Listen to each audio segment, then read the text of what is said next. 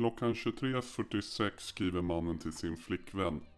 Walla jag älskar dig bre. Fem minuter senare är mannens liv slut. 60 och Fishy tillhör enligt Polismyndigheten en kriminell gruppering i Järva med ett mycket stort våldskapital. De förekommer och har förekommit i flera utredningar avseende bland annat mord, mordförsök och grova vapenbrott. 60 och Fishy tillhör en kriminell gruppering ofta kallad Dödspatrullen eller i vissa fall kallas de DPs yngre eller Hjulstabarnen av andra i nätverket. Lägenheten på Hjulsta backar har under de senaste åren varit en samlingspunkt för grupperingen. 60 och Fishy blir åtalade för mord och ska tillsammans och i samförstånd med andra personer dödat Ali Stress genom att skjuta honom med flera skott. Åklagare vill alternativt ha de båda fällda för medhjälp till mord. De står även bägge två åtalade för grovt vapenbrott. De har tillsammans och i samförstånd med andra personer innehaft en halvautomatisk pistol kaliber 9 mm som innehållit militära helmantelkulor som används vid ett mord. Den 31 maj 2021 klockan 23.52 besvarades det första larmsamtalet till SOS Alarm om misstänkt skottlossning på Hjulsta backar i Spånga. Första polispatrull kom till brottsplatsen Hjulsta backar 21 cirka klockan 23.58 och meddelade omgående att en man anträffats skjuten i halsen. Mannen var målsäganden med smeknamnet Ali Stress. När polisen kom till målsäganden satt en man in till honom. Mannen var målsägandens lillebror. Det fanns ytterligare två personer i närheten av målsäganden.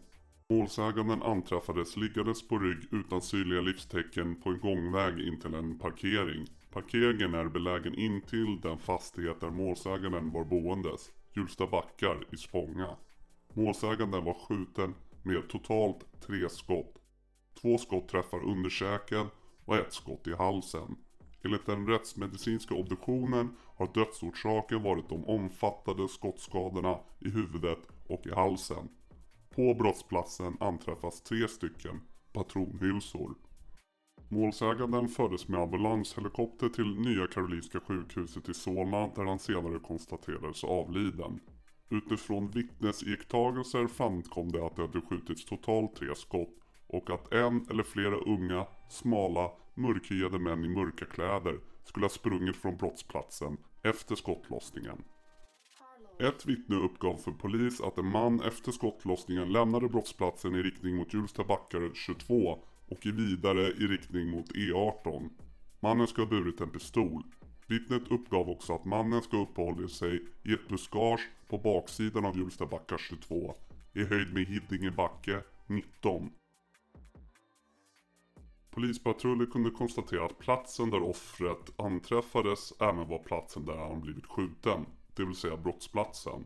När polisens hundpatrull kom tillbaka till det skogsparti där polisen initialt hade snurrat runt så sprang hunden direkt fram och markerade direkt vid en sten. Vid kontroll så låg en pistol halvt dold av löv intill stenen. Avståndet från brottsplatsen till anträffandeplatsen för vapnet var cirka 260 meter. Polishunden vid vidare sökning i närområdet sprang direkt fram och markerade vid ett buskage nära en svart plastsäck. Plastsäcken visade sig innehålla en mörkblå luvtröja med ärmarna vända ut och in. Svarta Adidas-byxor vända ut och in. Ett par svarta skor i storlek 44. Ett udda par gråsvarta handskar.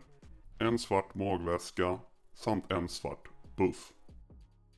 Undersökningarna vid NFC har renderat i totalt 20 stycken DNA-träffar som kunnat identifierats till 60, Fishy, Myran samt 60s lillebror. Myran och 60s lillebror var tidigare misstänkta i ärendet men avskrevs. På den anträffade pistolen har DNA från 60 och Fishy påvisats. På plastsäcken har fingeravtryck tillhörande 60 säkrats. NFC har konstaterat ett samband mellan den anträffade pistolen och en kula från ett annat ärende. Den kulan anträffades vid ett annat mord i Hjulsta, vilket inträffade drygt två veckor tidigare, Hjulsta backar 17, 12 maj 2021. Skjutavståndsbedömningen vid mordet på Ali Stress har gett minst ett av de tre skotten har avlossats på ett avstånd mindre än ett par decimeter. Sammanfattningen utifrån undersökningarna på NFC.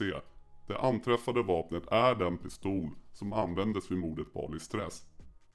Vapnet var vid anträffandet skarpladdat. I vapnet satt ett magasin med åtta patroner. På vapnet och vänster sida av kolven påvisades DNA tillhörande misstänkt 60 och Fishy. På en av de tre patronhylsorna på brottsplatsen så påvisades DNA tillhörande Fishy. På tröjan, handskarna och magväskan, vilka låg i den anträffade plastsäcken, så har det säkrats tändsatspartiklar med samma typ av sammansättning som från patronhylsa från brottsplatsen. På plastsäcken har fingeravtryck tillhörande 60 säkrats. På kläder, handskar och buff har DNA tillhörande 60 och Fishy säkrats. Mordvapnet det beslagtagna skjutvapnet är en halvautomatisk pistol av märket Walter modell PBK i kaliber 9 mm med utplånat tillverkningsnummer.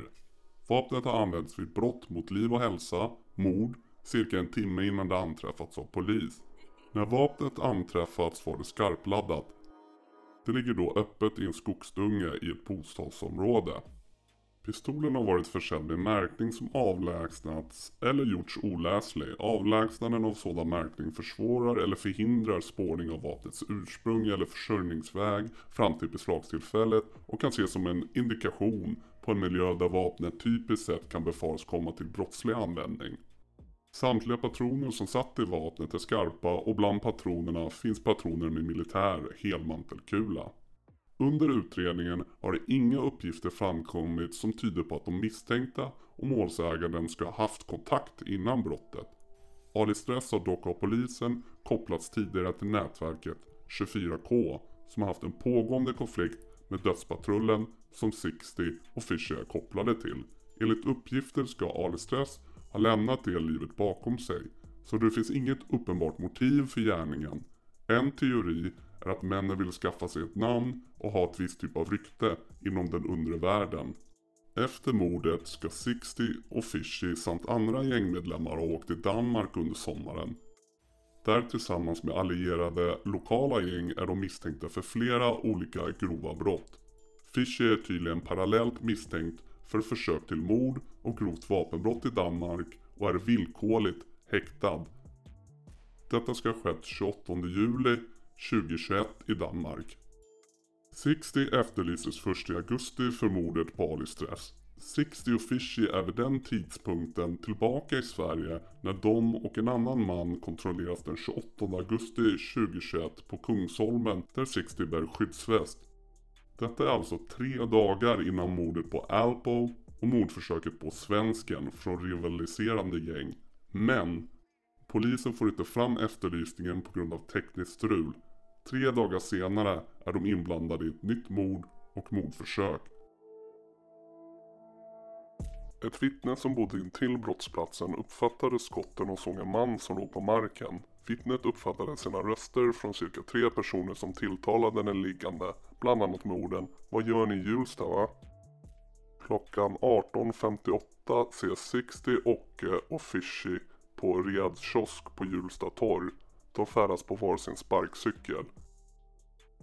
Efter 60 gjorde sitt inköp lämnade de platsen.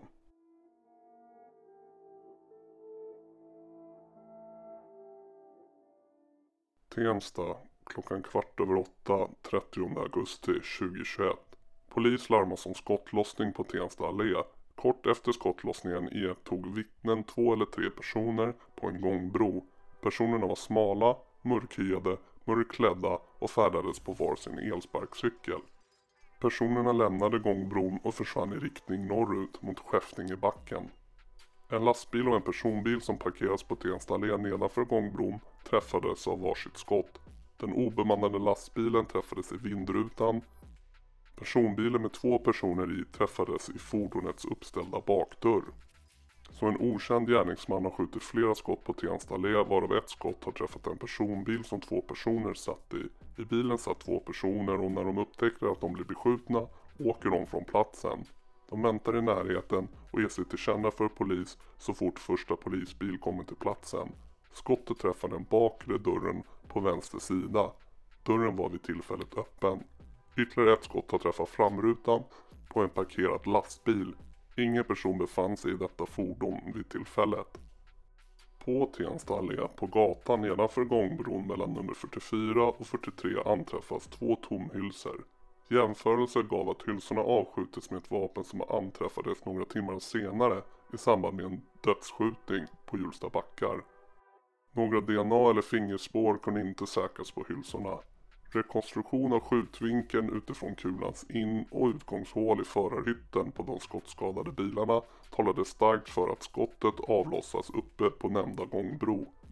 På en film tagen av ett vittne, kort efter skottlossningen, ses flera personer komma ut från porten till Tensta allé 44. På filmen hörs personer ropa saker och Alpo ses klädd i något som bedöms vara en skyddsväst. Följande personer identifierades på filmen. Alpo, Place, Shamudi, Ace. Sammanfattningsvis kan man säga att det är personer kopplade till Dödspatrullen och Hjulstabarnen som skjuter mot medlemmar i Filterlösa grabbar, FLG, i Tensta. Det finns dock motsägande uppgifter om den beskjutna gruppens tillhörighet, eller snarare vad de kallas nu för tiden. Enligt uppgifter var personer som Hoods, Ace, Piraten, Svensken från Tensta med i gänget som började kallas Filterlösa grabbar eller FLG tillsammans med andra personer från Rinkeby som numera döda Kaptenbyn eller Kaptenen, Nino samt Bagheera som blev dömd för ett mord i Luleå. Hur som helst ska det efter uppgifter om interna konflikter blivit en uppdelning av gänget under 2020. Där i grova drag man kan säga att de från Rinkeby höll sig till sitt och många som var från Tensta blev istället SSA som står för Same Side Always. I förundersökningsprotokollet så kan man även se att Tenstagruppen umgås och träffas med ena sidan av en blodig konflikt i Farsta söder om Stockholm. Den utpekade ledaren Chris som har utsatts för minst två mordförsök samt flera personer ur den grupperingen från Farsta ses på bilder på gatan och i en bil med SSA eller FLG Tensta. Men oavsett hur man vill benämna dem så blir FLG Tensta eller SSA beskjutna i Tensta på kvällen den 30 augusti. Efter skottlossningen är det mycket rörelse i Tensta och närområdet bland gruppen som har blivit beskjuten. Många rör sig fram och tillbaka till olika fastigheter och träffar olika människor. Hjulsta klockan 02.36 Mord och mordförsök Hjulsta backar Klockan 02.36 samtal inkom till SOS med anledning av skottlossning på Hjulsta backar. I samtalen framkom bland annat att personer låg på innergården och att någon ska ha sprungit från platsen. Första patrull som anlände klockan 02.44 påträffade två personer liggandes på innergården mellan fastigheterna Hjulsta backar nummer 14 och 16. Den ena, identifierad som Alpo, var livlös och var skottskadad i huvud och överkropp. Den andra personen, identifierad som Svensken, hade en skottskada i huvudet men var vid medvetande och talbar. Alpo bar vid anträffandet en skottsäker väst försedd med plattor mot grovkalibrig ammunition. Utanpå västen hade han en jacka, han hade handskar på händerna, ansiktet var maskerat med en så kallad buff och på huvudet bar han en mössa. Även svensken hade en skottsäker väst som han bar under en jacka. Han hade dubbla byxor i form av mjukisbyxor utanpå ett par jeans. Han hade också handskar på händerna och var iklädd buff och keps. Enligt polisen på plats uppgav svensken som var svårt skadad bland annat att han var där i avsikt att döda 60 och att han tidigare hade varit i en lägenhet på Tensta allé 44 hos Place och ”Shamoudi”. Han uppgav även när han kom till Ljusta backar så mötte han Ace. Stora delar av polisernas samtal med svensken fångades på en av polisens kroppskameror. Svensken har senare i förhör nekat dessa uppgifter och hänvisat till sina allvarliga skador, att han inte vet vad som händer och säger just då. Utifrån uppgifter som framkom på brottsplatsen utfördes husrannsakan i en ökänd lägenhet på Hjulstabacka 14. Lägenheten var belägen högst upp i fastigheten på två trappor och i samband med rannsakan greps sex personer, bland dessa 60, hans lillebror samt en somalisk medborgare boende i Danmark. Vid gripandet saknade 60 kläder på överkroppen. I samband med husrannsakan i lägenheten noterades att tvättmaskinen i badrummet kördes samt en stark lukt av klor. Innehållet i tvättmaskinen bestod av ett par skor, ett par jeans, en jacka, tre stycken handskar, en buff, ett par strumpor, ett par kalsonger och ett bälte. Intill tvättmaskinen stod en flaska klorrent. Några DNA-spår kunde inte säkras på föremålen i tvättmaskinen men jämförelser visade på överensstämmelse med detaljer på de skor och jeans som 60 bar vid besöket på Riads kiosk föregående kväll. Polispersonal som har fått i uppdrag att bevaka Tensta allé observerade klockan 04.31 två personer som kom från port nummer 44 och klev in i en väntande personbil.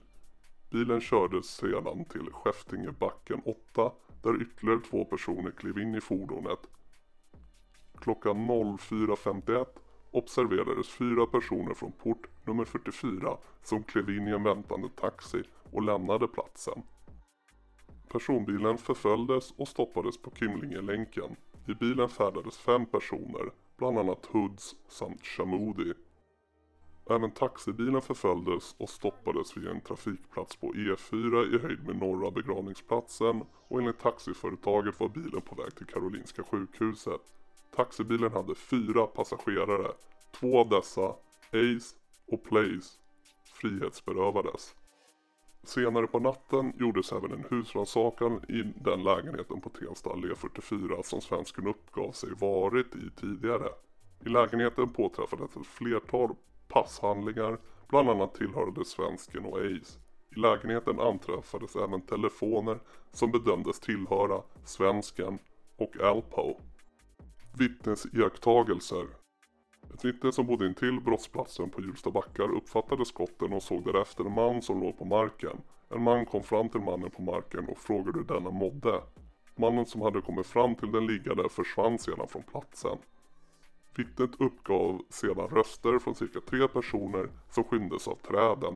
De tilltalade den liggande bland annat med orden vad gör ni i Hjulsta va? De tre lämnade platsen springande och vittnet bedömde att de gick in i nummer 14 eftersom de annars skulle ha mött poliserna som kom kort därefter. En person boende på Hjulsta backar tittade ut kort efter skotten och noterade att det är en man med bara överkropp på loftgången till nummer 14.